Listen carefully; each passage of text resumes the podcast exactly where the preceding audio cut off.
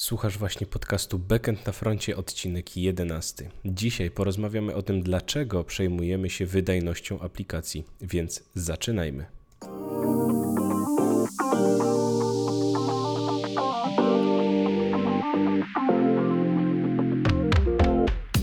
Cześć, z tej strony Kajetan Duszyński i witam Cię w podcaście Backend na froncie. Po pierwsze, dziękuję, że tu jesteś. Podcast Backend na froncie to miejsce, w którym spotykam się z ciekawymi postaciami związanymi z dotnetem i programowaniem po to, aby dostarczyć Ci trochę zabawy i masę wiedzy, ale przede wszystkim, żeby dać Ci szersze spojrzenie na możliwości, jakie daje platforma od Microsoftu.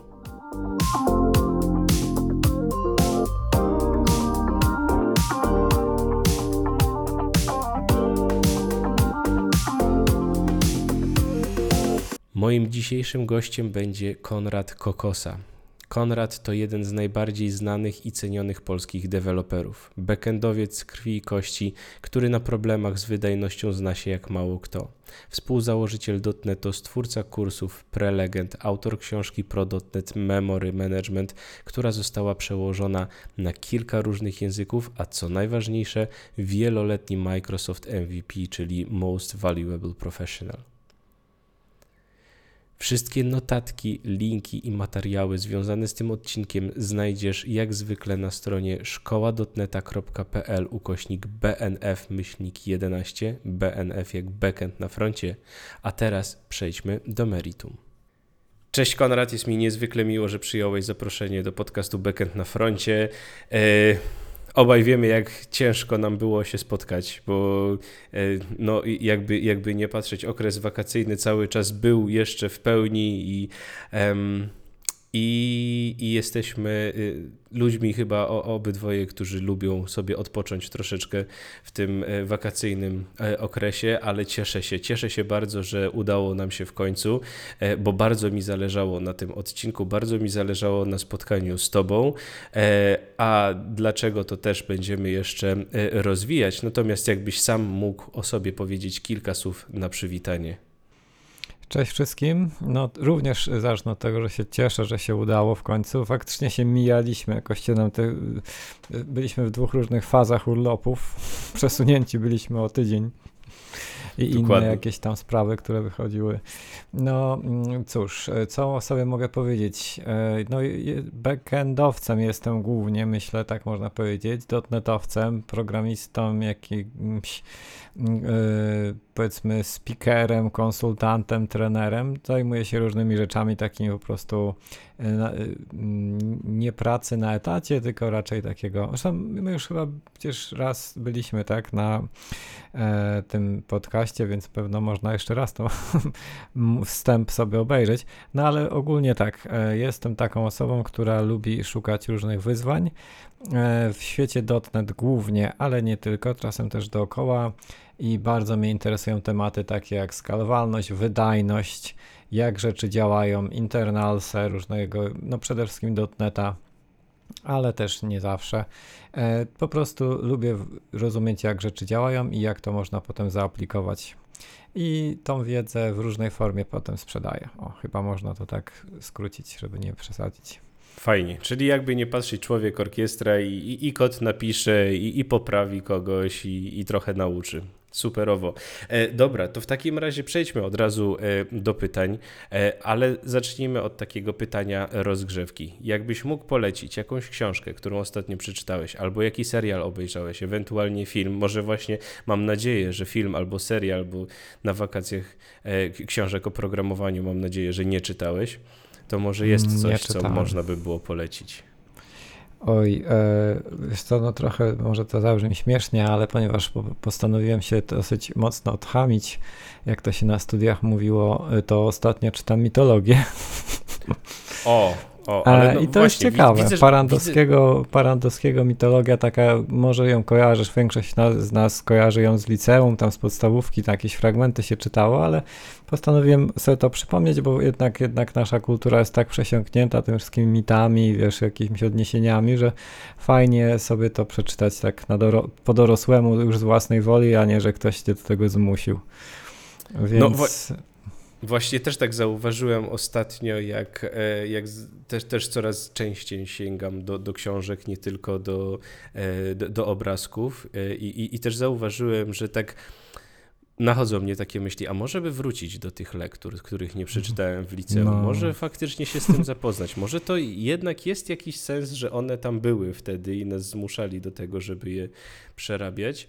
E, I, i, I teraz może to jest lepszy czas, ale fajnie, czyli rozumiem, że mitologia grecka przede wszystkim na, na dobry początek. Jeszcze nie wchodzisz w te, te, te nam tematy typu y, y, jakieś tam Irlandie czy nordyckie mitologie i tego typu rzeczy. Przy okazji kupiłem mitologię słowiańską, bo też jest taka fajna książka autora, nie pamiętam, bo stwierdziłem, że skoro no czytam, wiesz, o greckiej, no to jednak własną też warto znać, mhm. ale jeszcze nie wiem, czy jest godna polecenia, recenzje ma dobre, ale nie zacząłem czytać, więc Okej, okay, okej. Okay. To czyli będziemy musieli się jeszcze raz któregoś, któregoś za razu spotkać. Czas. No i bardzo dobra. Dobra, no to w takim razie przejdźmy już do konkretnych pytań, bo mamy bardzo konkretny temat. E, I, I zacznę tak e, troszeczkę przewrotnie, bo chcemy porozmawiać dzisiaj o wydajności aplikacji, o optymalizacjach, ale czy właściwie my musimy optymalizować nasze aplikacje? Czy musimy myśleć o wydajności naszych aplikacji w dobie naprawdę supermocnych maszyn, w dobie chmury, w której skalowalność jest w ogóle odstrzała, wystarczy parę klików i już mamy mocniejszą maszynę? Czy my faktycznie musimy się tym przejmować? No cóż, e, ja uważam, że tak, ale w sumie to, co ja uważam, nie jest ważne, natomiast ważniejsze jest to, że biznes też tak, taki, zda się znaleźć dowody w biznesie, że biznes też tak uważa e, i to można pomyśleć o dwóch poziomach tej odpowiedzi. Po pierwsze, wydajność jest super ważna dla ludzi, to znaczy dla klientów. Ty jako, ja jako klient strony, która wolno działa, po prostu ją opuszcza najczęściej albo na przykład nie kupi czegoś, bo się wkurzy, że to wolno działa. E, i w tym kontekście jest bardzo dużo badań, jak nawet wiesz, różnica typu 1 dziesiąta sekundy wpływa na sprzedaż na Twojej stronie. I to są twarde liczby, które się przekładają potem na miliony dolarów, jeśli mówimy o biznesach typu Amazon. Jeżeli mówimy o sklepie z fotelami, pewno, no to mniej, ale no wiadomo, to też zależy od skali. E, a druga rzecz, no od strzała możemy owszem zwiększyć liczbę zasobów w chmurze, ale jednocześnie od strzała nam liczba kosz, znaczy koszty wzrosną, więc mm, oczywiście jest fajnie, że to jest dostępne, to jest super fajne na etapie, gdzie biznes się rozwija, gdzie faktycznie, nie wiem, jesteś y, na etapie, gdzie martwisz się przede wszystkim, żeby mieć klientów, a nie żeby wycisnąć wszystko ze sprzętu, których masz, ale potem zaczynają te koszty ciążyć i gdzieś tam się nawet pojawiają jakieś te, też głosy, że no fajna ta chmura jest, ale ona zaczyna kosztować i firmy zaczynają się zastanawiać, pojawia się jakiś temat finopsów, jak właściwie to wszystko dobrze hostować w tej chmurze i jak i co można zoptymalizować. Więc no, nie, nie, pieniądze nie, nie, nie, firma nie drukuje pieniędzy, którymi e, potem płaci za te e, wszystkie rzeczy w chmurze, niestety albo stety. No i, po, no i musi sobie w pewnym momencie odpowiedzieć na pytanie, czy nie dałoby się zrobić tego taniej. Zawsze jest ten próg, gdzie oczywiście to nie, się nie opłaca, tak? bo jeżeli zyskasz pół sekundy ładowania strony, ale zajmie to pół roku developmentu 10 osób, no to prawdopodobnie nie. Ale jest też coś, co pewno da się zoptymalizować yy, mniejszym kosztem, a może nawet te pół sekundy i pół roku pracy ci się zwrócą, bo masz tak dużo klientów, że to się przełoży na więcej konwersji na stronie, więc y, odpowiedź jest taka jak zawsze, tak, to zależy. No, zależy od skali, zależy od wpływu na twoich klientów, e, zależy od tego, ile już płacisz, ile masz pieniędzy, ile możesz przepalić. Są firmy, które pewno mogą przepalić dowolną liczbę pieniędzy i się tym nie muszą martwić, ale no to są jakieś wyjątki. Więc e, owszem, pamięć jest tania, procesor jest i moc ogólnie obliczeniowa jest teoretycznie tania, ale przy jakichś skalach to zaczyna nas boleć. A ta skala zależy od Twojej firmy, bo dla Amazona będzie problem, że ma milion serwerów, a mógł mieć 500 tysięcy, a dla sklepu typu jakiś dyskont w Polsce będzie problem, że ma 100 serwerów, a mógł mieć 50, więc to też, no to wszystko zależy o, o, od tego, co jest dla danej firmy problematycznym kosztem. No, to chyba taka odpowiedź. Ciekaw jestem tylko, bo mówisz właśnie, że mm, to ma przełożenie biznesowe, że biznes y, zobaczy te E, te korzyści. Natomiast mam takie z doświadczenia, widzę, że na samym początku, e, jeżeli zaczynasz mówić o optymalizacji jakiegoś kodu w firmie, to bardzo często spotykasz się jednak z tą ścianą, że dopóki działa, to nie rusz. Absolutnie. I, i, i, potem, I potem dopiero się gdzieś tam właściciele danej firmy budzą z ręką w nocniku, że już może być za późno i faktycznie trzeba jeszcze dwa razy tyle wyłożyć teraz na ten development, żeby to jakoś poprawić. Więc Czasem da się tak jakoś. Tak no właśnie, da, da się jakoś o, o, od samego początku. Znaczy, no właśnie, bo y, czy y, przy starcie aplikacji, załóżmy, że mamy Greenfield czy, czy, czy uważasz, że e, ważniejsze, to ostatnio nawet widziałem taką dyskusję gdzieś w internecie, czy ważniejsze jest to, żeby e, zrobić aplikację czystą architektonicznie, czy zoptymalizowaną pod kątem wydajności, bo to niekoniecznie musi iść w parze. No nie, wiemy. tutaj Tutaj bardzo ciekawe dyskusje, mm, można, piwne, można powiedzieć, ale też bardzo oczywiście ważne i, i, i potrzebne. E, no nie, absolutnie. Myślę, że dobry. O, kotek y, dołączył tak do spotkania. To, to jest standardowy gość. E, więc y, ogólnie na pewno najważniejsze na początku jest, żeby mieć klienta i żeby zacząć zwalidować swój projekt, żeby zacząć go rozwijać i pierwsze pieniądze powinny iść, nie wiem, w marketing, w sprzedaż, w walidację, żeby cokolwiek napisać, żeby cokolwiek pokazać ludziom i absolutnie nie ma sensu budować katedr, do których nikt nie przyjdzie potem. E, więc i i to się dotyczy zarówno jakości kodu, jak i wydajności kodu, więc też architektury jakieś piękne na początku nie są potrzebne i zgadzam się, jest gdzieś ten punkt, w którym dopiero później stwierdzamy, ok, ten biznes już zarabia, ale dług techniczny, który stworzyliśmy w trakcie tego prototypu, już nas na tyle boli, że jest już moment, żeby to zacząć przepisywać na przykład.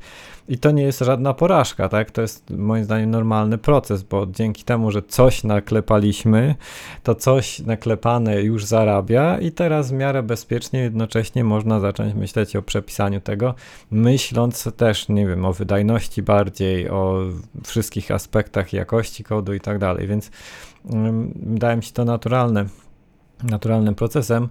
E, no to nie znaczy, że mamy pisać byle barachło, że tak powiem, i totalnie, wiesz, sobie pozwalać na wszystko, no bo jednak jakieś tam doświadczenie pozwala nam jakieś oczywiste błędy pewno pomijać od razu, tak? Jeżeli znamy jakieś wzorce i, i troszkę jakiegoś takiego mamy doświadczenia, no to nie napiszemy czegoś, co, co jest totalnym badziewiem. I tam pewno będzie jakaś rola może bardziej doświadczonych osób w zespole. Ale to nadal jest moim zdaniem z nastawieniem, że to może być przepisane. Tak samo e, dlatego, czy od razu mikroserwisy i, i wrzucanie to w Kubernetesy i w ogóle, no nie, bo nie wiesz nawet jak te mikroserwisy podzielić, bo nie znasz tej swojej domeny, nie wiesz co będzie ostatecznie używane, a ty już dzielisz to na mikroserwisy i tak to je źle napiszesz, bo to też jest cały czas presja czasu, a potem będziesz je. Więc nie, napisz monolit, naucz się domeny, możesz to jakoś pisać taki kwest trochę w kierunku modularnego monolitu, żeby dalej się dało to potem rozdzielać i za jakiś czas to przepiszesz. No, taka jest moja pragmatyczna tutaj wiedza i, podejście. Więc i na pewno najgorsze, co by było, no to taki paraliż firmy, która po prostu boi się cokolwiek napisać, bo że to nie będzie dobre ale klientów nie ma, tak? I, i, I, pieniądze od inwestorów znikają, a produkt jest wspaniały, tylko że niestety zanim. Zresztą pracowałem w takim jednym startupie, gdzie pieniądze się skończyły, zanim się skończył, zanim skończyliśmy produkt. Ho, no, to, no, to faktycznie więc... nie najlepiej. To faktycznie nie najlepiej. Dokładnie. Ale no tak, to, to jest w ogóle chyba bolączka, bolączka startupów, a to jest, to jest też bardzo często wiązane z tym, jak ktoś kiedyś na, na LinkedInie, nie pamiętam nazwiska, napisał, że jeśli, jeśli nie wstydzisz się swojej pierwszej wersji swojej aplikacji, to znaczy, że wypuściłeś ją za późno. Dokładnie. I tutaj, dokładnie. tutaj jest wielka nauczka. To jest też tak w ogóle, wydaje mi się, że z wiekiem przychodzi taki trochę dystans do siebie i do tego, co robisz, bo jak pamiętam siebie, jak byłem młodszy, to tak strasznie chciałem ten pierwszy kod napisać idealny. W, w ogóle tam kolega czy ja, o, ja, jak piszę kod, to on się zawsze od razu kompiluje i też jest od razu wspaniały, nie? No ale po co? Mm, ja teraz już po prostu jak piszę kod, to najpierw piszę go tak, żeby go napisać, żeby cokolwiek było i potem zaczynam go sobie ulepszać, no i, i, i to jest takie chyba bardziej zdroworozsądkowe, no. No na pewno, aczkolwiek no właśnie, to jest mimo wszystko też problem tych młodych potem programistów, że oni gdzieś mierzą się z tym code review i potem Chyba mam wrażenie, że bardzo ambicjonalnie niektórzy podchodzą do code review, że, że dostaną zwrotkę, że tutaj coś i, i, i zaczyna to jechać po ambicji i dlatego gdzieś tam próbują, to, próbują od razu. Bo to jest y, oczywiście wszystko nie takie proste, tak? No bo jak ja mówię, że e, olewam jakość kodu, to ja go olewam na jakimś poziomie, ale już go na jakimś poziomie też piszę, no bo już napisałem go tam 15 lat czy ileś i to już nadal nie jest taki kod, jakbym go pisał 15 15 lat temu od tak. E, i faktycznie to, co juniorzy, na przykład osoby, nie lubię w sumie tego zwrotu juniorzy, bo jest jakiś taki, osoby początkujące powiedzmy, no napiszą, trzeba faktycznie ocenić e, jakość na tym code review i masz rację, no to jest też dobry proces nauki, no i trzeba znowu poszukać jakiegoś tego środka, ustalić jakiś konsensus w zespole. Wydaje mi się, no ogólnie do jakiej jakości dążymy, bo ja też mam przeciętne opinie co do code review. Jakoś tak nie, nie jestem jakimś wielkim fanem takiego. To się często kończy pałowaniem po prostu nawzajem się, żeby się pokazać, e, albo często są to bardzo subiektywne rzeczy, bo ktoś na przykład nie lubi czegoś, bo on nie lubi fabryki i za Chiny żadnej fabryki nigdy nie napisze, a tam akurat fabryka by pasowała. No ale jak ten biedny junior ma walczyć z siłą doświadczenia tego akurat seniora, który tej fabryki nie lubi, więc no ale to już jest osobny temat, tak? No właśnie, no właśnie, bo tak cały czas mam wrażenie, dryfujemy po, po, po tym tak, temacie. Tak. Bo, bo, widzę, że moglibyśmy daleko, daleko odpłynąć, e, ale to wróćmy w takim razie e, do, do meritum i w jaki sposób w ogóle my mierzymy wydajność aplikacji webowych? Hmm, prawie nigdy tego nie robimy. To znaczy, no to jest to cały czas ten problem. Wydaje mi się, i tu pewno jeszcze trzeba do tego trochę wrócić, to jest kwestia pewnej dojrzałości firmy jednak, żeby o tym myśleć i też nie poświęcać na to tam całych zespołów, ale jakieś takie proste mierzenie wydajności byłoby wskazane od samego początku, choćby po to, żeby śledzić, czy to się pogarsza, czy to się polepsza, gdzie my w ogóle jesteśmy. I to nie wymaga naprawdę sztabu ludzi. E, żeby to mierzyć. I teraz odpowiadając na Twoje pytanie, no niestety nadal mało firm tą dojrzałość ma, no bo wiadomo, jest ciśnienie, trzeba to robić, terminy i tak dalej. Natomiast no, gdybyśmy chcieli mierzyć i mieli tylko jedną rzecz mierzyć, to zawsze musimy zacząć od mierzenia tego, co odczuwa użytkownik. To znaczy, ja na przykład no, uwielbiam, nie wiem, dotnet i pamięć i tak dalej, i, na, i, i, i, uwielbiam mierzyć, jak się zachowuje pamięć w procesie, ale nikogo to nie obchodzi ostatecznie. Czy ty używając, nie wiem, Allegro zastanawiasz się, ile tam GC jest wołane na sekundę? No nie. Patrzysz, jak ci się szybko strona ładuje, jak ci się odpowiadają guziki, jak się wszystko responsywnie zachowuje i ponieważ tak, 80-90% aplikacji jest albo webowa, albo mobilna, czyli w sumie też webowa, no to głównie chodzi o responsywność, e, o mierzenie takich, wiesz, najważniejszych, powiedzmy, trzech ekranów na twojej, e, w twojej aplikacji, jakiegoś procesu najważniejszego, od przejrzenia rzeczy do dodania do koszyka i zakupu. Ile to trwa? Po prostu. I to jest najważniejsze, tak? Jak szybko odpowiadamy klientowi. Okej, okay. Okej, okay, a mamy jakieś narzędzia, które pomogą nam w śledzeniu takiej wydajności, żeby potem to zmierzyć ewentualnie i, i monitorować? No mamy, no, no, wiesz, nawet wszelkie developer toolsy w Chromie czy w innych można sobie w 12 kliknąć, od, odpalić ręcznie, zobaczyć i zmierzyć co, co deployment, czy co build, czy jak to nazywamy e, i zobaczyć jak to się zachowuje teraz. Można to sobie automatyzować. E, tylko właśnie, właśnie hmm, tutaj trzeba pamiętać, cały czas mierzymy ten czas dla użytkownika. Dużo narzędzi pokaże ci coś, co na przykład nazywa się load time. I to będzie jakiś czas, po którym załadowały się wszystkie JavaScripty. No i znowu, co, co mnie to obchodzi, że się wszystkie JavaScripty załadowały? Ja chcę wiedzieć, kiedy się coś stało, co mnie interesuje. Dlatego te firmy, które podchodzą do wydajności no, webowej przede wszystkim dojrzale, mierzą coś, co będą nazywać, nie wiem, Twitter mierzy e, time to first tweet, czyli po jakim czasie użytkownik zobaczy pierwszego tweeta, bo on już się na nim skupi i resztę można doładować. E, Amazon będzie mierzył, kiedy się pojawi lista produktów na przykład, tak? Albo no coś pierwszego, coś, co się narysuje, co skupia już uwagę użytkownika i to jest najważniejsze. No i teraz jak to zmierzyć? No nie jest to takie proste, no bo to nie jest proste. Możesz sobie wsadzić teoretycznie jakieś JavaScriptowe wywołanie, które ci to po prostu zmierzy, ale najczęściej chyba tak się tego nie robi, tylko po prostu są narzędzia, które wprost mierzą czas ładowania strony, ale od strony wizualnej, nie od punktu, nie wiem, jak kiedy się załadowały wszystkie obrazki, bo to znowu nie ma znaczenia, tylko kiedy załadowała się na przykład większość strony. E, I to jest dobry bardzo pomiar, no bo to jest to, co, tak jak mówię, użytkownika interesuje. No i teraz jakich narzędzi o, można użyć? Najbardziej popularnym od bardzo wielu lat jest strona Web Page Test. I to jest za darmo, można sobie tam podać URL swojej strony, kliknąć z jakiego regionu świata, w jakiej przeglądarce, symulując jaką prędkość łącza. E, klikasz go i po jakimś czasie dostajesz bardzo fajne wykresy, pokazane co się ładowało, animacja jak to się ładowało, bo to tak naprawdę ostatecznie polega na analizie obrazu właśnie, żeby zobaczyć. I dostajesz tak zwany speed index, który jest niczym innym jak powiedzeniem za pomocą numerku jednego, jak szybko użytkownik zobaczył większość strony czy ona się ładowała na takiej zasadzie, że szybko się pojawiło dużo i potem już jakieś tam drobnostki, czy na przykład przez 10 sekund nie widziałeś nic i nagle łup, wszystko się pojawiło, tak? To, to niedobrze. Więc e, będziesz miał jeden, jedną liczbę, którą możesz sobie optymalizować.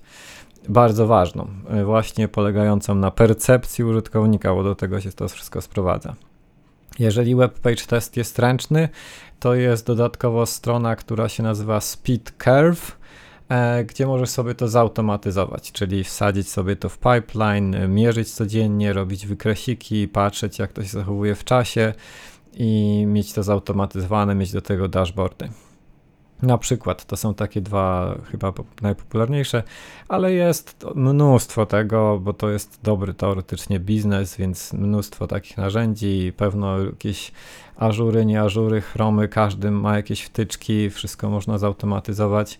Najważniejsze co jest, jeżeli ktokolwiek będzie się tym interesował, żeby właśnie sobie zobaczył, co to mierzy. Nie mierzymy żadnych sztucznych load time'ów, jakichś eventów javascriptowych, tylko jeżeli narzędzie nie pokazuje mi, kiedy większość strony się pojawiła, to dla mnie to narzędzie się do niczego nie nadaje. No bo po prostu tu chodzi cały czas o tą percepcję. No i tyle. Okej, okay. no właśnie, bo te, te, też tak pamiętam, bo już wspominałeś o tych developer toolsach y, z Chroma i on tam korzysta, jeśli dobrze pamiętam, z takiej wtyczki Lighthouse, to się chyba tak, nazywa. Tak, I tam jest. faktycznie jest, jest, kilka tych, jest kilka tych punktów, bo jest do załadowania pierwszego obrazka, do załadowania chyba jakiegoś pierwszego klikalnego elementu e, i, i do załadowania większości strony. Także faktycznie jest kilka, kilka tych punktów. A czy mamy, czy mamy jakieś standardy, jakieś modele, jeśli właśnie chodzi o to testowanie? Bo pamiętam, że kiedyś, kiedyś się e, spotkałem e, z, z modelem Rail czy Rail. Tak, tak, był, był. Google sobie takie coś wymyślił. Nie wiem nadal, czy go, znaczy e, bardzo ściśle stosuje, ale na pewno gdzieś tam, gdzieś tam wciąż się u nich pojawia. Cała koncepcja tego modelu Rail, który był u, w ich produktach stosowany, polega na tym, żeby sobie wyznaczyć budżet, w którym musisz się zmieścić na swojej stronie, budżet czasowy. Mm, czyli mówisz sobie, że strona nie powinna się ładować dłużej niż 10 sekund na przykład w całości, tej widocznej, znowu, bo mówimy o tym, co widać na ekranie, bo jeżeli mam 6 ekranów niżej obrazki, to one mnie nie interesują, tylko mówimy o tym, co użytkownik zobaczy.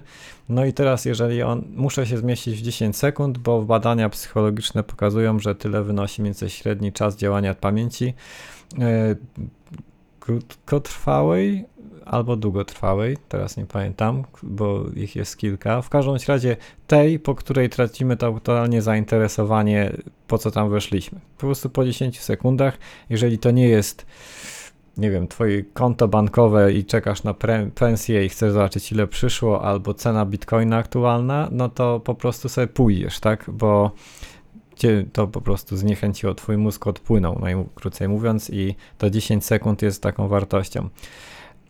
No i ten rail na tym polegał, e, na takich, na takich wartościach, których się należy trzymać, które wynikały właśnie z badań psychologicznych, typu 10 mm, sekund to był taki hard threshold, po którym właściwie jak strona się ładuje dłużej, to już jest totalna padaka.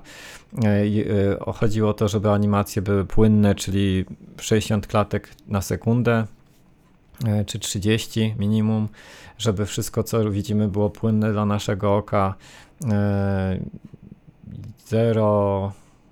Mm, jeszcze był taki czas jeden responsywności, wydaje mi się, że to było 200 milisekund. Jeżeli coś, na coś czekamy dłużej niż 200 milisekund, to widzimy, że na to czekamy a jeżeli mniej, to nie odczujesz, od, odbierasz to jako coś, co natychmiastowo następuje po sobie, więc e, każdy klik powinien poniżej 200 milisekund ci coś dać. Nie mówię, że musi się coś od razu załadować, ale jeżeli użytkownik zobaczy, że nie wiem, kolor guzika się poniżej 200 milisekund zmienia, to już ma tą e, reakcję i nie musi odczuwać dyskomfortu, że coś jest wolne, że, że na coś czeka. Więc taki model sobie budujesz, no i po prostu robiąc development, może nie dla wszystkich stron, ale dla tych najważniejszych starasz się, starasz się po prostu trzymać tego budżetu. I taki performance budżet, no to też będzie coś takiego, co firmy, które do tego no, przykładają wagę, stosują, czyli właśnie ustalają, się, ustalają sobie jakiś taki model i co wdrożenie patrzą, czy te najważniejsze strony nie były nie, po, nie pogorszyły, nie przekroczyły tego budżetu, tak? Dochodzi potem do sytuacji, że trzeba go uwzględniać, czyli mówimy, no dobra, chcielibyśmy tu dodać widget z cenami bitcoina z ostatnich 4 lat, ale kurczę, nam to zajmie 2 sekundy, a już mamy 8, to będziemy właściwie pod korek, a jeszcze inny zespół chce dodać widget z ceną Ethereum na przykład, no i już się nie zmieścimy, więc musimy teraz ustalić, E, czy coś wyrzucamy, czy coś wyrzucamy z głównej strony, no bo mamy 10 sekund tylko do dyspozycji i nie chcemy dłużej, tak? Okay. Więc firma zaczyna, no musi po prostu to uwzględniać, jeżeli podchodzi do tego e, poważnie. I znowu chodzi o pieniądze, tak? Nie robi tego dla zasady, satysfakcji, czy tego, że nie wiem, lubi sobie stać wyzwania, no tylko, że widzi, że naprawdę, jeżeli na przykład Twoja strona ładuje się dłużej niż 10 sekund, to mamy konwersje 4 razy mniejsze na przykład, bo no klienci nam odpływają, tak? Więc musimy się tego trzymać. Swoją drogą teraz ciężko mi sobie wyobrazić, że jakaś strona by się ładowała 10 sekund. To już daw dawno by mnie tam nie było prawdopodobnie. Dzisiaj się do banku logowałem i trwała zdecydowanie dłużej niż 10 sekund. No ale znowu, no musiałem zrobić przelew. Po, pozdrawiamy zespół banku, który ostatnio i tak było zbyt łatwo. e, e, dobra, e, a wspominaliśmy też o tych JavaScriptach ładujących się. E, czy JavaScript w ogóle jest wydajny, czy, czy używamy JavaScriptu i tworzymy frameworki typu React, Angular i tego typu rzeczy, bo po prostu nie ma albo nie było do tej pory altern alternatywy? No, myślę, że znowu tu chodzi o czas e, wdrażania rzeczy. Po prostu tak jak .NET, Java powstały, żeby pisać szybciej programy niż w C++, bo było potrzeba bardzo dużo programów i po prostu za długo pisało się w C++. tak teraz JavaScript jest takim nowym poziomem, gdzie no, wszystko piszemy we frameworkach frontendowych. Niestety albo niestety, ale dużo, dużo tego kodu tam jest. Trzeba go pisać szybko i popularność w ogóle tych wszystkich frameworków pokazuje, jakie jest zainteresowanie, jak dużo ludzi tego używa. No i jesteśmy na tym etapie takiego, powiedzmy, wczesnego, pewno już w fazę takiego early adoptowania tego przeszliśmy, ale no nadal najważniejsze jest, żeby to dowozić, a nie żeby to było super wydajne. Jednocześnie oczywiście w związku z y, rozwojem IT i sprzętu, no cały sprzęt jest coraz szybszy. Po trzecie, właściwie to klienci za to płacą, tak, bo jeżeli JavaScript się wolno wywołuje, to to nie płacisz ty jako firma, tylko wykonuje to komputer klienta, więc nie płacisz za to. Co najwyżej go wkurzysz tym, że to wolno działa. No i pod tym kątem może faktycznie y, zaczyna mieć to znaczenie. No ale też y, no, trzeba oddać honor, że te silniki JavaScriptowe w przeglądarkach są optymalizowane. No to nie jest też tak, że ktoś to napisał i nieważne jak to działa, to jest cały czas usprawniane. Tam też przecież jest e, kupa kodu, to jest właściwie jakiś tam rodzaj maszyny wirtualnej, więc mm, no, no jest, to, jest to usprawniane. I no w sumie nie było alternatywy, tak? No po prostu chcieliśmy pisać frontendowo, no to pisaliśmy frontendowo, a jeżeli już mieliśmy to robić, to było tylko JavaScript, tak? Więc hmm, chyba w sumie już chyba odpłynąłem od pytania trochę.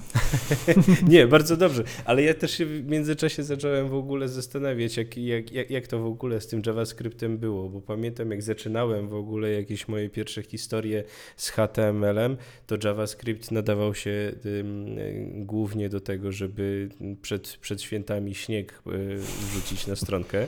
E, i, i żeby sobie Mikołaj przeleciał po, po tym ekranie. Mm. E, I, i, I potem e, chyba był, był taki moment, że wszyscy pomyśleli, nie, ten JavaScript to w ogóle się do niczego nie nadaje, że to tylko obciąża nasze strony, że, że bez sensu to wszystko jest. Mm, więc, więc, więc zacznijmy robić tam wszystko na, na, na divach i, i, i, i po prostu na e, przeładowaniach strony bez, bez tych animacji i potem mhm. któregoś dnia się budzę, a tu nagle z każdej strony mnie atakuje jakiś framework frontendowy. E, ale i, i właśnie, powiedziałeś, że nie było alternatywy, jeśli chodzi o JavaScript, a uważasz, że teraz jest jakaś? Czy coś się powoli zmienia, coś się rusza? I ciekawe, czy, czy wiesz, o czym chcę wspomnieć? Hmm. Pewno chcesz wspomnieć o Blazorze, a właściwie hmm. to WebAssembly, bo Blazor jest tutaj tylko Microsoftowym propozycją. No Dokładnie. rzeczywiście no, no jest taki ruch, który zauważył, że JavaScript nie jest najszybszą technologią na świecie, mimo wszystko.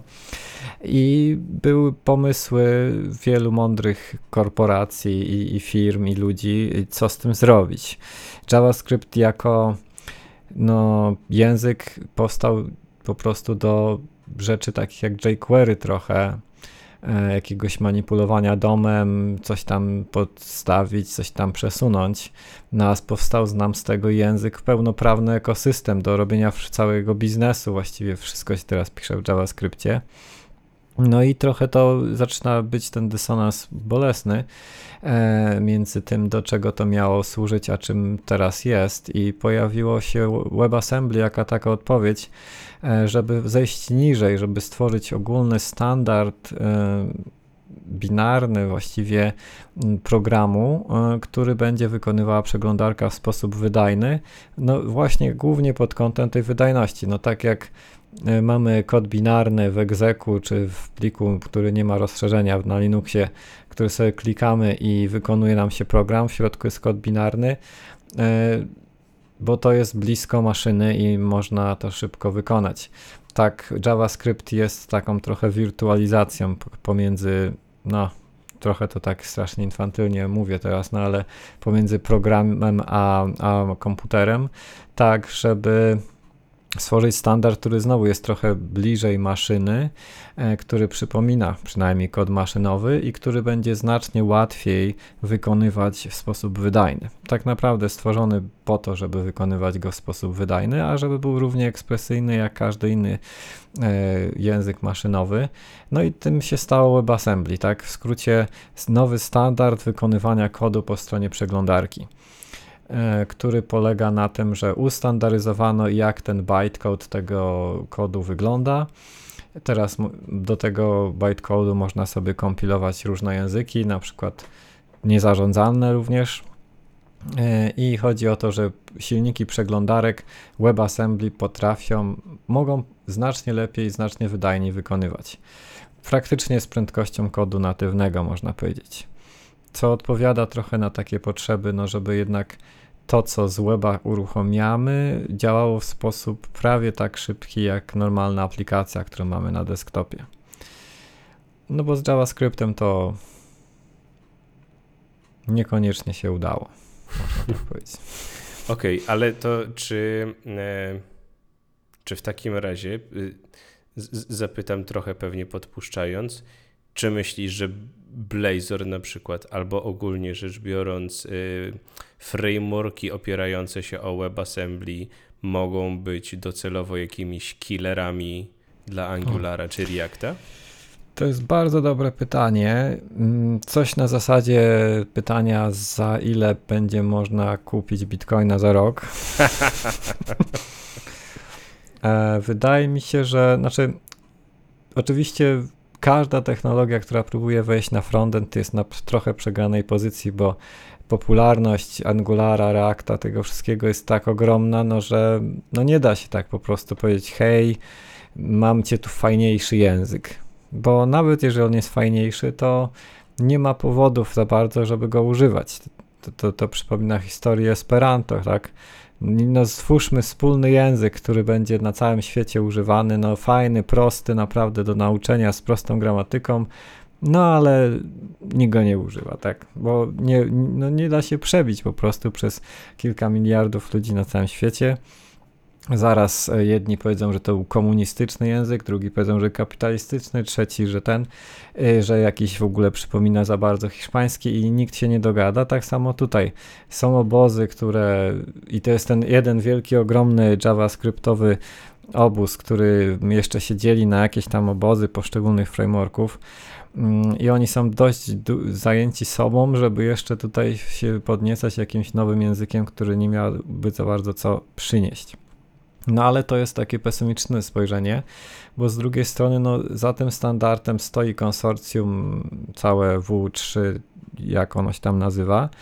E, I wydaje się, że no, będzie, będzie miało swój powolny jakiś e, okres adopcji. Bla Blazor jest chyba takim pierwszym faktycznie czymś solidnym, działającym, co tego WebAssembly używa ale no znowu, ponieważ to jest technologia Microsoftu, to nie spodziewam się, że to będzie akurat ten framework, który z rewolucji, wiesz, dokona rewolucji i, i wszyscy się przerzucą, bo, bo to jest ten kapitalistyczny, mm, paskudny Microsoft, który próbuje jakąś technologię promować ale nie znaczy to, że nie pojawi się coś innego. Um, szczerze mówiąc, to bym się bardziej spodziewał, że za jakiś czas pojawią się po prostu i eksplodują popularnością jakieś fajne frameworki, które to WebAssembly fajnie używają, może do jakichś konkretnych zastosowań i dzięki temu zacznie się to wkradać takimi tylnymi drzwiami do, do tego świadka. A dla samego... Na ten moment y, pytają mnie na, niektórzy na przykład, czy warto się Blazora uczyć, żeby na przykład z nim pracować. No, no nie wiem, no chyba nie za bardzo, bo nikt go nie, praktycznie nie używa, tak? Ale możesz zaryzykować, bo może się nagle okazać, że za rok y, będzie popularny i będziesz tym jednym z pierwszych, który w ogóle tą technologię kojarzy, tak? Y, czy to WebAssembly w ogóle, czy Blazora w konkre konkretnie.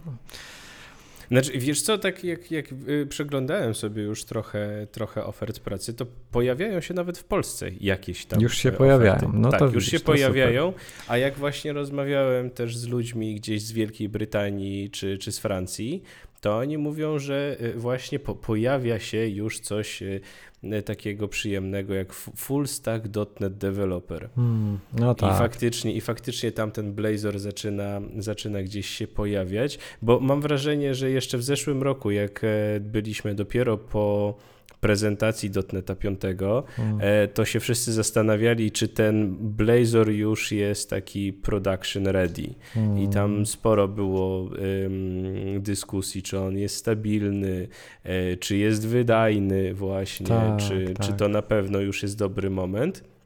Ale chyba, chyba zaczynają szczególnie właśnie um, startupy Mm, z backgroundem dotnetowym powoli adoptować to, także, także ja jestem osobiście dobrej myśli, aczkolwiek też się mimo wszystko e, zastanawiam, no bo mamy właśnie w Blazorze e, cały czas dwie możliwości, albo będzie ten Blazor server side, albo, albo WebAssembly. I też sam Microsoft, ja, ja swego czasu, zanim um, wyszła już ta oficjalna, stabilna wersja, to tak myślałem, że ten server-side to jest taki taki Blazor, który będzie tworzony, jeszcze utrzymywany, dopóki faktycznie to WebAssembly nie będzie hmm. mm, bardzo dobrze e, zoptymalizowane. Natomiast teraz widzę, że chyba nie do końca, bo one mają jednak dwa różne zastosowania ewentualnie e, i w zależności od tego, co tworzysz, jaką aplikację, to taki framework, to taką wersję frameworku powinieneś hmm. wykorzystać. Tak, no ogólnie jest trochę bałagan z tym, co chyba też nie pomaga jakoś zyskiwać tutaj na popularności, bo mamy Blazora serwerowego, WebAssembly, mówi się teraz o hybrydowym, czyli z aplikacjami mm, desktopowymi, który w sumie jest opakowanym w aplikację desktopową serwer, Blazorem serwerowym i tak dalej, i tak dalej. Jeszcze mówią o jakimś Blazor Native, więc faktycznie no nie wiem, może powstanie z tego taki parasol technologii i on może być popularny w świecie dotnetowym, bo w sumie jako ja, jako dotnetowiec, ja tą technologię bardzo lubię i tam jakąś grę sobie w tym piszę karciankę i się bardzo, bardzo cieszę, że wszystko jest w C-Sharpie i nie muszę właściwie nic myśleć o jakimś JavaScriptie albo jakimś y, tam plastrem poklejonym TypeScriptie, który udaje, że nie jest JavaScriptem. Tylko po prostu jest C-Sharp, to się kompiluje do binarek dotnetowych, wykonuje się po, po stronie przeglądarki jako dotnet i tyle, i koniec. I, I to naprawdę jest duży w tym potencjał. Jak to Microsoft sprzeda? Naprawdę nie wiem. E, bo no jak to Microsoft, no sami wiemy ile włożyli siły i pieniędzy w promowanie na przykład Windows Phone'a świętej pamięci albo Silverlighta no i to pewno te historie trochę ludzi zniechęcają, że czy tu znowu tak nie będzie.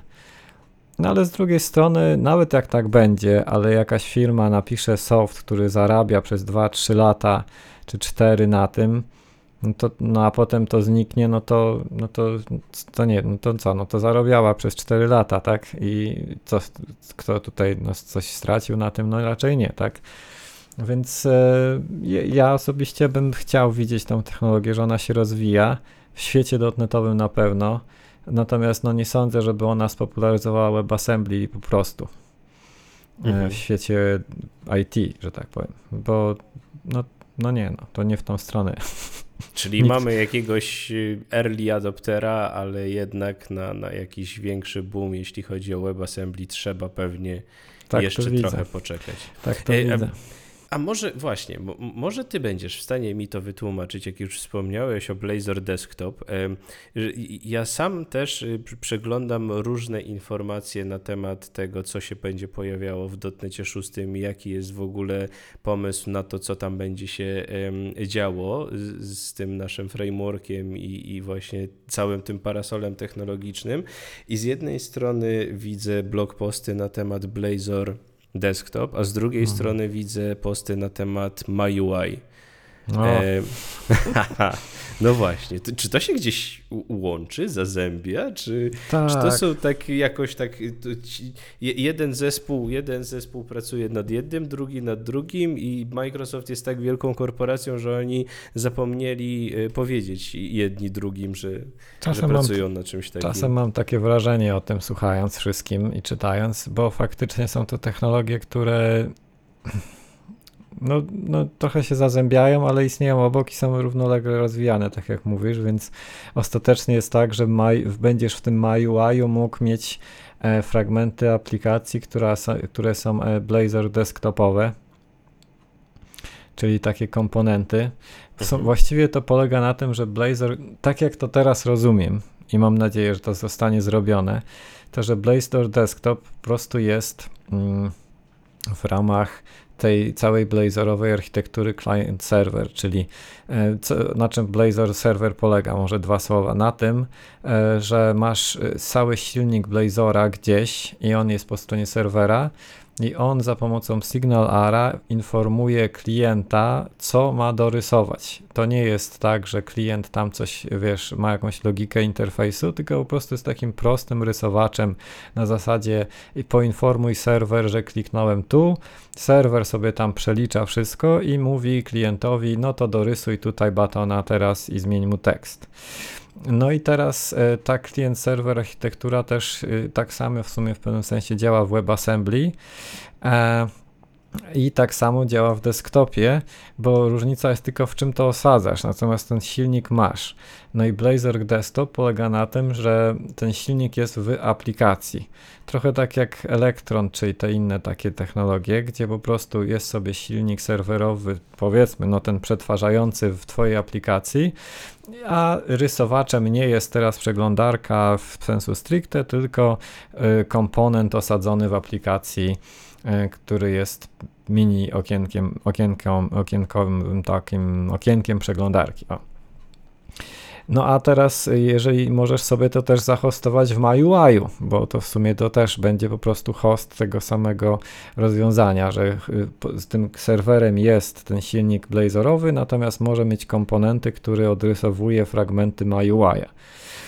E, potem jeszcze będą mówili o native Blazorze, czyli będziesz wprost E, zarządzał, e, nie będziesz rysował tak jakby w okienku przeglądarki, e, która udaje program, tylko będziesz odrysowywał natywne okienka Androida czy tam iOS-a.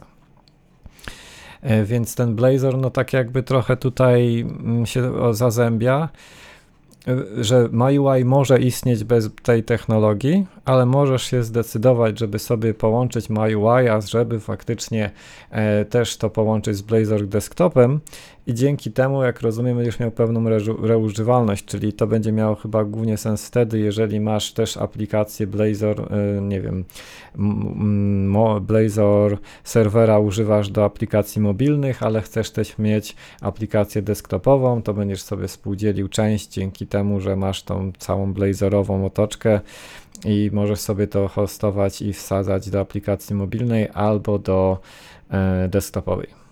Natomiast nawet jak o tym się mówi, to nie, no trudno to jakoś tak mi sobie osobiście zwizualizować. Ciekawe, co, jak oni sami to ostatecznie przedstawią.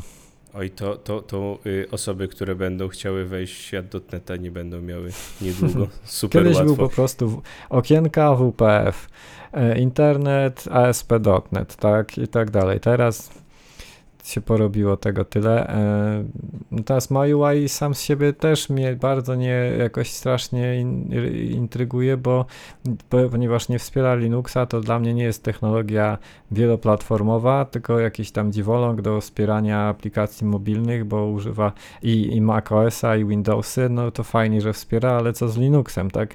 Jeżeli ja chcę napisać naprawdę wieloplatformową aplikację, to bardziej mi zależy na wsparciu Linuxa nawet niż Maca pewno, no mhm. ale tego tam nie mam. No to to dla mnie nie jest technologia. Ma swoje użycie, ale no ten brak wieloplatformowego UI-a w dotnecie to jest nieskończony temat. Co dziwi, co dziwi, bo tak się starają tym chwalić, co? Że, no tak, ale Linux nie jest dla nich systemem widocznie. No właśnie, niestety. Może kupią wszyscy, wszyscy cały wszechświat Linuxa i po prostu zamkną na przykład, albo nie wiem. Znaczy widać, że oni oczywiście Linuxa jak najbardziej i teraz w ogóle to jest kosmos ten Windows Subsystem for Linux, że możesz sobie zainstalować Linuxa z Microsoft Store'a i w terminalu używać Ubuntu. To jest fajne, natomiast no, są na, na etapie konsoli, a no, wsparcie interfejsu, mm, no nie wiem. Teoretycznie jest teraz mm, ten chyba 11 czy Windows Terminal w którejś wersji ma wspierać aplikacje okienkowe Linuxowe działające pod Windowsami. No ale dobrze, no to nie jest do końca chyba ta droga. E, po prostu przydałby się wieloplatformowy UI-owy framework i tyle. Tak jak Avalonia jest gdzieś tam rozwijana, czy może kupią kto kiedyś tam Avalonię, czy jakieś inne Uno. Natomiast zobaczymy. Więc no, ale w ogóle, nie, w ogóle nie o wydajności rozmawiałem. No dobra, no to w takim razie wracamy. To jeżeli ja y, dzisiaj mnie przekonasz do tego, że warto się zainteresować wydajnością, y, warto się zainteresować optymalizacją, to gdzie szukać najwięcej informacji, więcej wiedzy na ten temat, sk skąd się uczyć, czy ha, chciałbym powiedzieć, czy są jakieś konferencje albo meetupy, ale z tym w ogóle ciężko jest, ale, hmm. ale może jakieś online'owe jest coś, na co warto zwrócić uwagę. I, i, I co można zrobić oprócz przeczytania Twojej książki? No, moja książka, chociaż oczywiście wszystkich zachęcam, akurat byłaby podejściem od złej strony, no bo to jest o pamięci w dotnecie, tak? E, jeżeli chcemy podejść do tematu wydajności, na pewno bardzo fajną konferencją była konferencja Velocity, która y, była organizowana przez O'Reilly'ego i to ogólnie była konferencja głównie właśnie pod kątem wydajności, no wydajności, mierzenia, takiego procesów, wszystkiego co związanego z wydajnością webową i mobilną później. Myślę, że można sobie odgrzebać sporo nagrań stamtąd i to są, będą nadal rzeczy aktualne, zwłaszcza te kwestie procesowe, jak mierzyć, czym mierzyć czym mierzyć pewno się trochę zmierzyło, zmieniło, ale przede wszystkim chodzi o to, jak, co, jak i co mierzyć, a wtedy już narzędzia sobie można znaleźć. E, więc to pewno osobiście nie śledziłem tego przez ostatnie 2-3 lata, więc nie wiem, czy nie pojawiły się jakieś nowsze książki, ale takimi klasykami były książki, które się, zaraz jak się, mam tutaj przy e, Fast zaraz, jak to się nazywało? E, książki, które napisał człowiek, który ma nazwisko Saunders. Ja myślę, że podlinkujemy chyba później, nie? Jakieś rzeczy, żeby tutaj nie trzeba było szukać. Jest kilka takich książek na ten temat. One są już dość zakurzone, ale ja bym je jednak bronił, bo to jest bardziej kwestia. No aż ten internet się tak bardzo nie zmienił i tam patrzenie właśnie pod kątem percepcji użytkownika, czasu ładowania, JavaScripty, długo ładujące się obrazki. To są czasem rzeczy banalne, ale naj, no, no nadal widać to, że to jest. Czasem widać stronę, która niby działa szybko, ale ładuje 2 megabajtowy obrazek przeskalowany do 50 na 50 pikseli. No i ktoś nie wie, że to zajmuje po prostu 2 sekundy i nawet nie wie, jak to zmierzyć. E, więc takich parę książek jest. Mm, co do konferencji obecnych to nie kojarzę, no bo niestety wszystko się trochę pozamknę, pozamykało. Natomiast e, ja jeszcze pod, pod, podeślę Ci po tej rozmowie, myślę, kilka jakichś linków, blogów, osób, które warto śledzić po prostu w temacie. Superowo. Superowo. Nie dotknęliśmy jeszcze w ogóle tematu APM-ów, e, czyli takich większych narzędzi. Application Performance Monitoringu, że tak już spolszczę, e, czyli takich narzędzi jak Dynatrace na przykład, albo no chyba Dynatrace to będzie jednym z głównych graczy, e, gdzie masz kompleksowe narzędzie do mierzenia wydajności, począwszy od tych właśnie rzeczy, o których mówiliśmy, aż po wywołania bazodanowe, czyli po prostu na wskroś całego stacku możesz zobaczyć, ok, ta strona ładowała się wolno, ale dlaczego? Czy to chodziło o obrazki, czy wolną SQL, czy może jakiś kod dotnecie był wolny?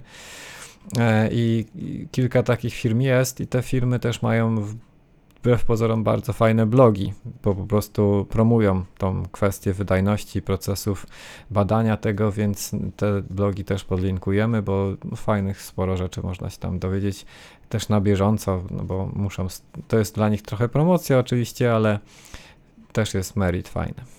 Też trzeba trochę, trochę szerzyć jakoś tam tą, tą wiedzę na temat. E, tak, trzeba przekonać temat. ludzi, że no warto właśnie. kupić ich narzędzia. Dokładnie, dokładnie. E, e, ale w takim razie, jeżeli ja bym się chciał zainteresować wydajnością, to ym, teoretycznie to jest ym, na samym początku bardziej bardziej wiedza z zakresu psychologii, takiej tak użytkowania, czy bardziej znaczy, jeśli chodzi o sam kod tak naprawdę? No bo... wiesz co, no właśnie to jest przewrotne, ale ja bym powiedział, że jak chcesz to wejść, to najpierw zacznij od tej psychologii, żeby sobie dobrze zbudować ramy, w których się poruszasz. Bo jak zbudujesz tego, że zaczniesz czytać o tym, jak, nie wiem, napisać wydajny kod w JavaScriptie, oksymoron, nie no, żartuję, ale jak, na co na przykład patrzeć, żeby nie popełniać błędów jakichś oczywistych, to się możesz tak za bardzo, wiesz, skoncentrować na rzeczach, które zyskują jedną dziesiątą promila wydajności, a nie wiedzieć, że właśnie ważna jest percepcja użytkownika. Więc okej, okay, spokojnie, dojście, dojście do etapu fajnego, wydajnego kodu też, ale tak trochę przewrotnie właśnie zacząłbym od góry, czyli od tej psychologii percepcji e, użytkownika i jest też nawet taka książka o tym, więc postaram się znaleźć ją i podlinkujemy ją. E, a potem sobie już zejść do swojej technologii, czyli prawdopodobnie przez JavaScript, potem do backendu, oczywiście bazy danych, to wszystko jest super, super ważne, ale i tak często się okazuje, że nawet jak zoptymalizujesz wywołanie SQL-owe, które trwa 100 milisekund do 50, to ktoś cię poklepie po ramieniu, super fajnie, ale okaże się, że na frontendzie jest obrazek, który się ładuje 3 sekundy i wiesz, to, to w ogóle nie ma sensu ta różnica, bo i tak ten frontend często bywa wolnym, wąskim gardłem. Co nie znaczy, że nie powinniśmy też optymalizować backendu, bo to też może bardzo brzydko się zachowywać, może się bardzo źle skalować, to może nas kosztować dużo w chmurze i to jest ten drugi aspekt. Ale ten takie właśnie ramy psychologiczne moim zdaniem są bardzo fajne, żeby je mieć na, na początek. No właśnie, no właśnie, bo to, to jest takie trochę, tak jak mówisz, przewrotne, żeby deweloper zaczął się interesować psychologią, to takie Wiesz, Trochę... ogólnie wydaje mi się, że mamy w branży taki problem, że my piszemy kod, a nie rozumiemy, że tworzymy produkty. I po prostu e, kiedyś e, pracowałem gdzieś i ktoś, już taką anonimizuję bardzo, żeby nie było, ale pracowałem w firmie i po paru latach właśnie rozmawiałem z kolegą i ten kolega był w firmie, gdzie się używa naszego produktu i takim zdumieniem powiedział, o, to, to ktoś używa tego, co my piszemy, nie? Tak w sensie nie, nie zapominamy, że no ktoś jest po tej drugiej stronie, kto naprawdę czeka na te kliknięcia, używa, wkurza go, że coś się długo ładuje, że się brzydko tam coś pojawia, że, że interfejs jest do bani. Nie mamy tego poczucia, że ktoś naprawdę tego używa, tak? I to ma znaczenie wszystko. I, i, I ten aspekt pozwala nam może trochę na to inaczej spojrzeć. A drugi aspekt, taki drugi filar, najczęściej rzeczy mają co najmniej dwa filary, no to będzie to, że ta ekonomia hostowania to jest kolejna ważna rzecz. Jak wszystko jest niby tanie w chmurze i tak dalej, ale no ostatecznie coś kosztuje i jeżeli mm, nie wiem, wywołanie funkcji ażurowej jest zaokrąglane do 128 MB zużycia pamięci, no to ma znaczenie, czy ty zużywasz 129 MB na wywołanie, czy 127, tak? Różnica żadna, ale będziesz płacił dwa razy więcej, no to no, no wiadomo, i teraz pytanie, jak często to jest wołane, czy to będzie 1000 dolarów miesięcznie oszczędności, czy 10. E, więc ten aspekt y, biznesowy tutaj jest tak jak najbardziej ważny. O tym chciałbym polecić jakąś książkę, ale nie za bardzo kojarzę. Na takim właśnie spojrzeniu, takim finopsowo, jakimś takim ekonomicznym, na to, jak to wszystko jest hostowane i jak to wpływa na, na, na zużycie wiesz, pieniędzy, prądu potem, bo nawet niektóre firmy zaczynają mówić o takim Microsoft ostatnio ogłosił taki manifest, że, że myślą właśnie o tym, żeby nie przepalać wszystkiego bez sensu w chmurze, no bo możesz tam wrzucić, ale no też pomyśl, ile zasobów naturalnych zużywamy, żeby uruchomić jedną funkcję, a może na przykład można by ją nie uruchamiać tak często i tak dalej. I to już może frazes, ale naprawdę też niszczy naszą planetę, tak? Bo nikt o tym nie myśli. Więc no dużo to jest aspektów. No można, można grubo lecieć, ale w ogóle tak, bardzo mi tak. się podoba, bardzo mi się podoba określenie FinOps.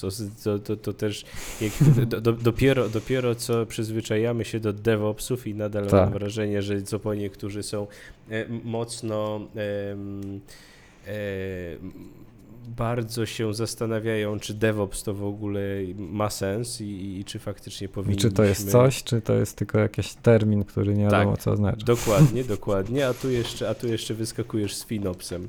E, mm. Aczkolwiek, no właśnie, tak jak się, jak się w ogóle zaczyna chociażby tą ścieżkę certyfikacji e, Microsoftową, jeśli chodzi o, o chmurę, no to tam jakby same podstawy to są właśnie zarządzanie kosztami i, hmm. i takie podstawy świadomości na temat tego, co ile kosztuje i co będzie kosztowało Twoją firmę. Także, także to też jest dobry temat, żeby się zainteresować, a wiem y, chociażby po swojej firmie, w której aktualnie pracuję, y, że no to jest ważny temat. To jest ważny temat, szczególnie jeżeli jesteś w stanie zaoszczędzić trochę, to, to możesz tym zainteresować swojego pracodawcę. E, Ładnie a... powiedziane. zainteresować swojego pracodawcę. Słuchajcie starszych kolegów. Możesz premię po prostu dostać na przykład. o, tak daleko możemy nie szedł z tą premią. Bo to, o, to, to, to okay. premie, premie w Polsce to w ogóle jest drażliwy temat, no ale, ale tak, ale może coś, coś, może właśnie zostaniesz poklepany po ramieniu na koniec dnia. E, Konrad, a jak to się w ogóle stało, że tyś sam się zainteresowałeś wydajnością i optymalizacją? Czy, czy zaczynając y, programować pomyślałeś sobie, o kurde, ten garbage collector to jest zajebista sprawa? No nie, aż takim, aż takim nerdem nie jestem, ale no znaczy Ogólnie zawsze mnie tam trochę interesowało, jak działają rzeczy. Bardzo mi się podobało na studiach programowanie w VHDL-owe, ogólnie tych wszystkich FPGA, e, żeby sobie, nie wiem, wyklikać samemu układ, y, procesor, który coś robi. Tak bez sensu, no ale fajne to było. Oczywiście potem przyszła normalna praca i zarabianie pieniędzy i dowożenie GIR, ale gdzieś mnie tam zawsze interesowało jakieś takie wygrzebanie jakiegoś problemu, coś tam nie działa. No i w, w, w, jednej z firm, w której pracowałem, po prostu trochę na ochotnika raz się zgłosiłem, no to tam coś rozwiązałem, no to potem się pojawił drugi problem, no to już y, trochę chętnie mnie zaprosili, bo kojarzyli, że poprzednio pomogłem i tak dalej, i tak dalej. To się tak zapętlało, a tak w sumie dość często się to wiązało z pamięcią, te problemy. I, I, zacząłem się w tym coraz bardziej wgryzać. Stwierdziłem, że to jest fajne. Te, zainteresowało mnie to też. Im więcej o tym wiedziałem, tym też trochę częściej jakieś problemy spływały, więc jeszcze więcej zdobywałem trochę wiedzy i doświadczenia na ten temat. I to tak się rozkręciło. Mm, a, a zawsze to były tematy właśnie takie perfopsowe można by nazwać, tak? Coś wolno działa, albo zużywa za dużo pamięci, albo za długo się strona ładuje i to jest y, bardzo obszerny temat, bo czasem się okazywało, nie wiem, że w się coś można inaczej skonfigurować, a czasem jakiś błąd w kodzie, a czasem jakiś obrazek za duży i wystarczyło kompresję włączyć, wyłączyć. bardzo rozległy temat, którym się zainteresowałem po prostu i który do mnie spływał im częściej. Znaczy, no, im częściej był problem, tym częściej trafiał do mnie. Wtedy ja go jakoś tam pomagałem rozwiązać, więc zdobywałem wiedzę, więc znowu jak był problem, to tym bardziej do mnie to przychodziło i tak rozumiesz. I tak, i tak powstała się. książka. I tak powstała książka ostatecznie, bo stwierdziłem, fajne są jakieś książki, ale nie ma książki dedykowanej tylko temu tematowi. Zawsze to jest tam rozdział 2 w jakiejś innej książce ogólnie o tym, jak na przykład działa .NET. Stwierdziłem, że no dobra, no to jeżeli czegoś nie ma, a .NET istnieje kilkanaście lat, to albo to nie ma sensu w ogóle o tym pisać i dlatego nikt nie napisał, albo jest fajna okazja, fajna nisza, i można spróbować napisać e, o tym książkę i, i napisałem. Ja byłem w szoku. Ja byłem w szoku, jak ona wyszła, bo pamiętam, jak, jak, jak zacząłeś pisać na Twitterze, że faktycznie. Bo już pamiętam, już gdzieś kojarzyłem i widziałem jakieś zdjęcie, jak pisałeś i pisałeś i pisałeś i tak to trwało faktycznie, w końcu wypuściłeś i jak zobaczyłem, tak jak mówisz, normalnie w, w książkach o dotnecie jest rozdział 2 i to ca, cała, e, cała kwestia pamięci mieściła się na 15 kartkach, a tu no, jest naprawdę. Kurczę, no właśnie, no właśnie. To jest I... trochę też kwestia, nie potrafiłem wytłumaczyć w wydawnictwu, że to jest za duża czcionka po prostu. Rosjanie na przykład w swojej wersji wydali to dużo fajniej, tak jak sobie to wstępnie wyobrażałem. Czcionka jest trochę mniejsza, marginesy trochę mniejsze, wygląda lepiej. Ta, ta angielska wersja jest przesadzona po prostu i no, no ale nie wiem, mieli jakąś fazę wtedy, że oni zwiększają czcionkę, bo mają narzekania, że niektórzy mają za małe literki i chcą większą, więc uparli się, żeby zwiększyć czcionkę wtedy w tamtym okresie. No i wyszedł taki tysiąc ponad stronicowy. I, i, tak, ja, ja przyjąłem taką strategię, jak swoją pracę magisterską pisałem, jak musiałem trochę więcej, trochę więcej tych stron, to faktycznie się trochę, trochę zrobiło większą czcionkę i jakoś no, Dokładnie. poszło. Ale, a ja bym to ale... chciał zmniejszyć właśnie, a nie chcieli. W drugą stronę. No tak, no bo tak naprawdę no, Ciężko, ciężko jest powiedzieć, czy to, czy to przyciąga, czy to odstrasza. Jak sobie pomyślisz, że nawet jeśli jesteś zainteresowany tą pamięcią, no to te tysiąc stron, no ale no trzeba, trzeba przyznać, że, że jak już jesteś zainteresowany, no to tam znajdziesz praktycznie wszystko, mam wrażenie. No, jeżeli, to jeżeli już brain jesteś... dump mój, chyba niewiele da się już dodać naprawdę, chociaż oczywiście ona się już tam to, czasem niektóre strony troszeczkę, może nie tyle zdezaktualizowały, co można by już coś tam co nieco dodać, na dotnecie 5, 6. No ale jest tam tego sporo rzeczywiście. A propos tego, co mówisz, pewno jest jakiś poznawczy szok, jak się to bierze do ręki, to może zniechęcać, mm, e, kiedy ja to skończę. Ale z drugiej strony kolega mówił, że jak jeździł, czytał mecze, to go zaczepiano, co to, co to jest. Wiem, że takie duże. Nowe wydanie Biblii. dla programistów. Więc y, ma swoje zalety. Już teraz, wiesz, włosy zapuściłeś, jakby ten, jakby, jakby nową, nową, y, nowe zdjęcie dać na okładkę, to spokojnie mogłoby służyć jako Biblia dla dotnetowców. Spokojnie. E, no dobra, a jakie są, tak już y, zbliżając się ku końcowi, e, wiemy, że jesteś e, współzałożycielem, bardzo ważną częścią e, dotnetos. E, jakie macie plany, jeśli mogę wiedzieć, jeśli możesz zdradzić na najbliższe miesiące?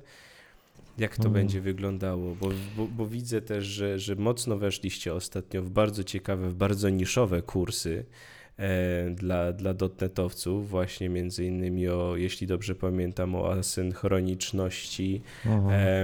Też widziałem C-Sharp 9 for Professionals no. bodajże i takie naprawdę bardzo, bardzo niszowe, bardzo ciekawe tematy. No, Coś się szykuje jeszcze ciekawego w najbliższym czasie?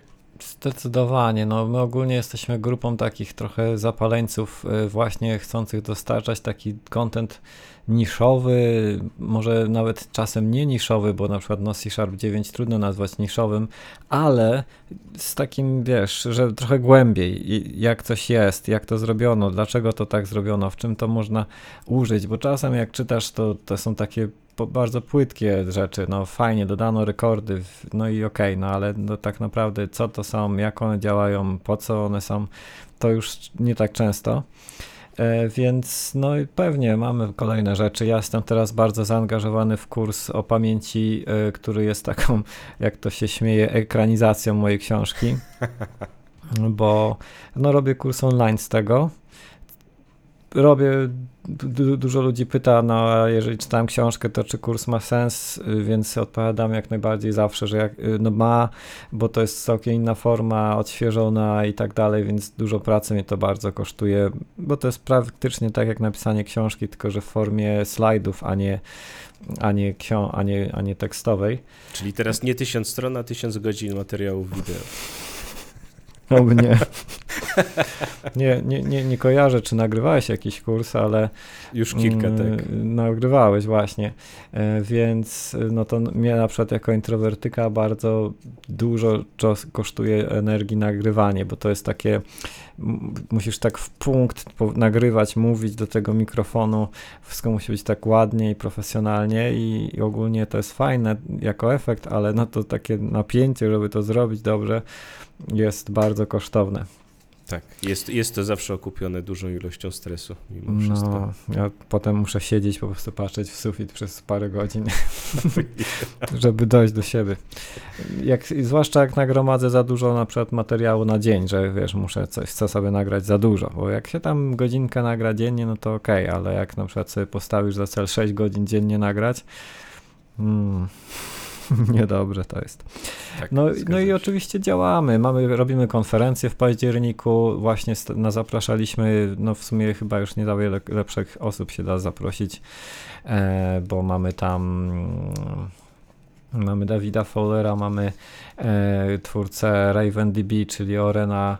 E, w każdym razie no jest to sama śmietanka ludzi, którzy siedzą w tych tematach, siedzą w wydajności, siedzą w tym, jak to działa, więc jak najbardziej nam to pasuje. Myślimy o kolejnych kursach ciekawych, zawsze okraszonych taką pogłębieniem. E, zobaczymy. Mamy dużo pomysłów.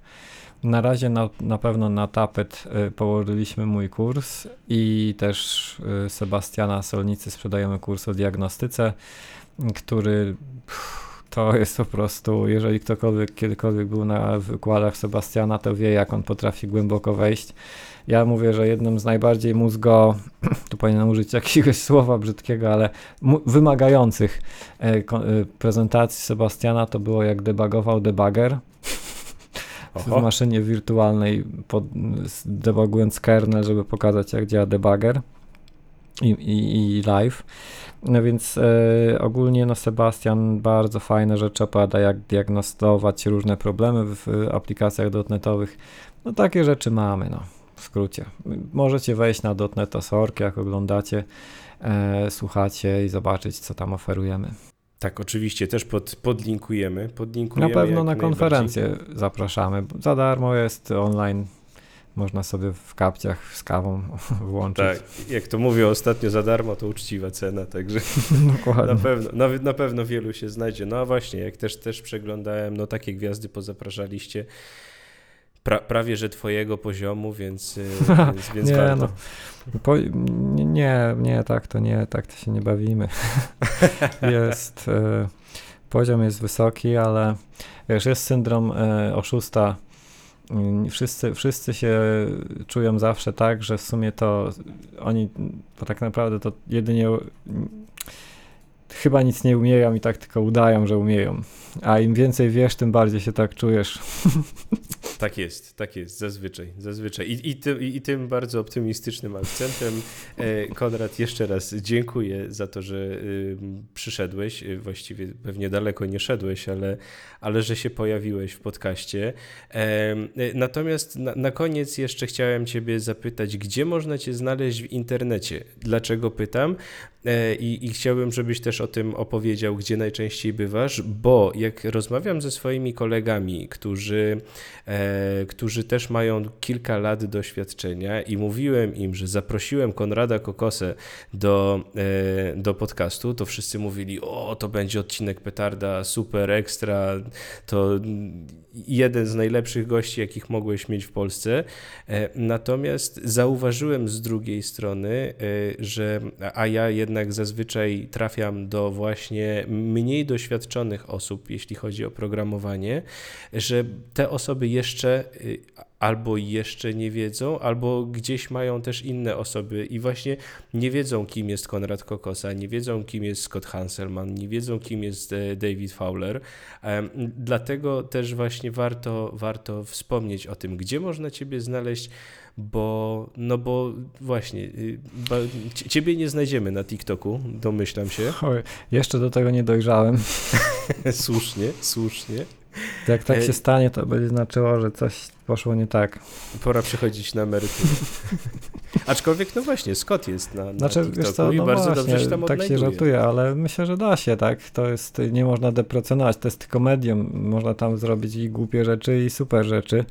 Ja chyba nie mam po prostu na to mentalnie czasu i, i zasobów, żeby próbować wejść w nowe kanały, dlatego jestem głównie na Twitterze i w ogóle wszystkich zachęcam, jeżeli, nie wiem, masz. E, na pewno odczuwam pewien problem, że chciałbym do większej liczby do, do, do, osób dotrzeć, że stworzyłem jakąś bańkę osób, która mnie zna, a jest gdzieś jeszcze dużo większa bańka, która mnie nie zna i, i, i też czasem się zastanawiam, co z tym zrobić.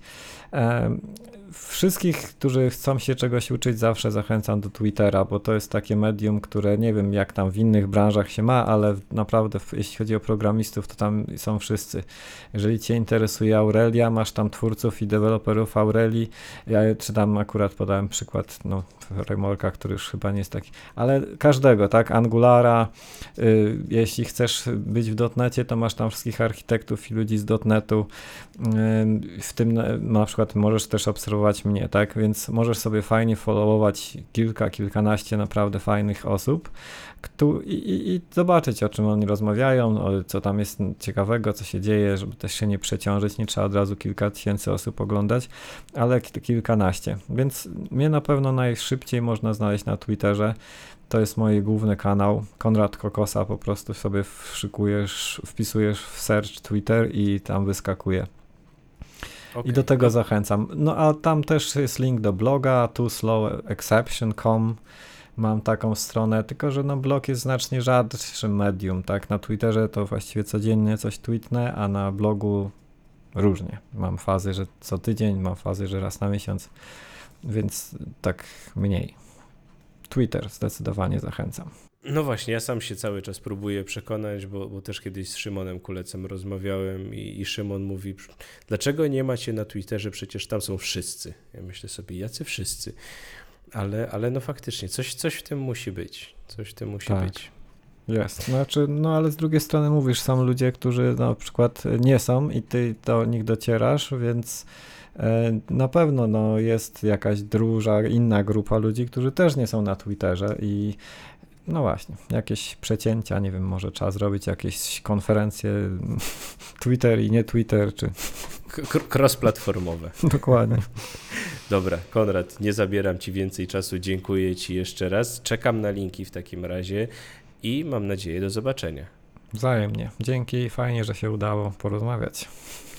Mam nadzieję, że dzisiejszy odcinek przypadł Ci do gustu. Będę super wdzięczny, jeśli podzielisz się swoimi przemyśleniami na YouTube, jeśli właśnie mnie oglądasz, albo w mailu wysłanym na adres kajetanmałpaszkoła.pl. Pamiętaj, że podcast Backend na froncie jest wypuszczany co drugi wtorek, tym razem w środę o godzinie 11, więc spokojnie możesz zapisać sobie to jako wydarzenie w kalendarzu. Ale zdecydowanie prościej będzie, jeśli zasubskrybujesz go w iTunes, Spotify, YouTube czy gdziekolwiek właśnie mnie słuchasz. Dodatkowo będę super wdzięczny, jeśli zechcesz wystawić mi ocenę w katalogu iTunes. Zachęcam również do śledzenia innych moich poczynań w sieci poprzez obserwowanie fanpage'a Szkoła.net na Facebooku a także profilu Kajetan Duszyński na Instagramie. A teraz już się z Tobą żegnam i słyszymy się za dwa tygodnie. Cześć.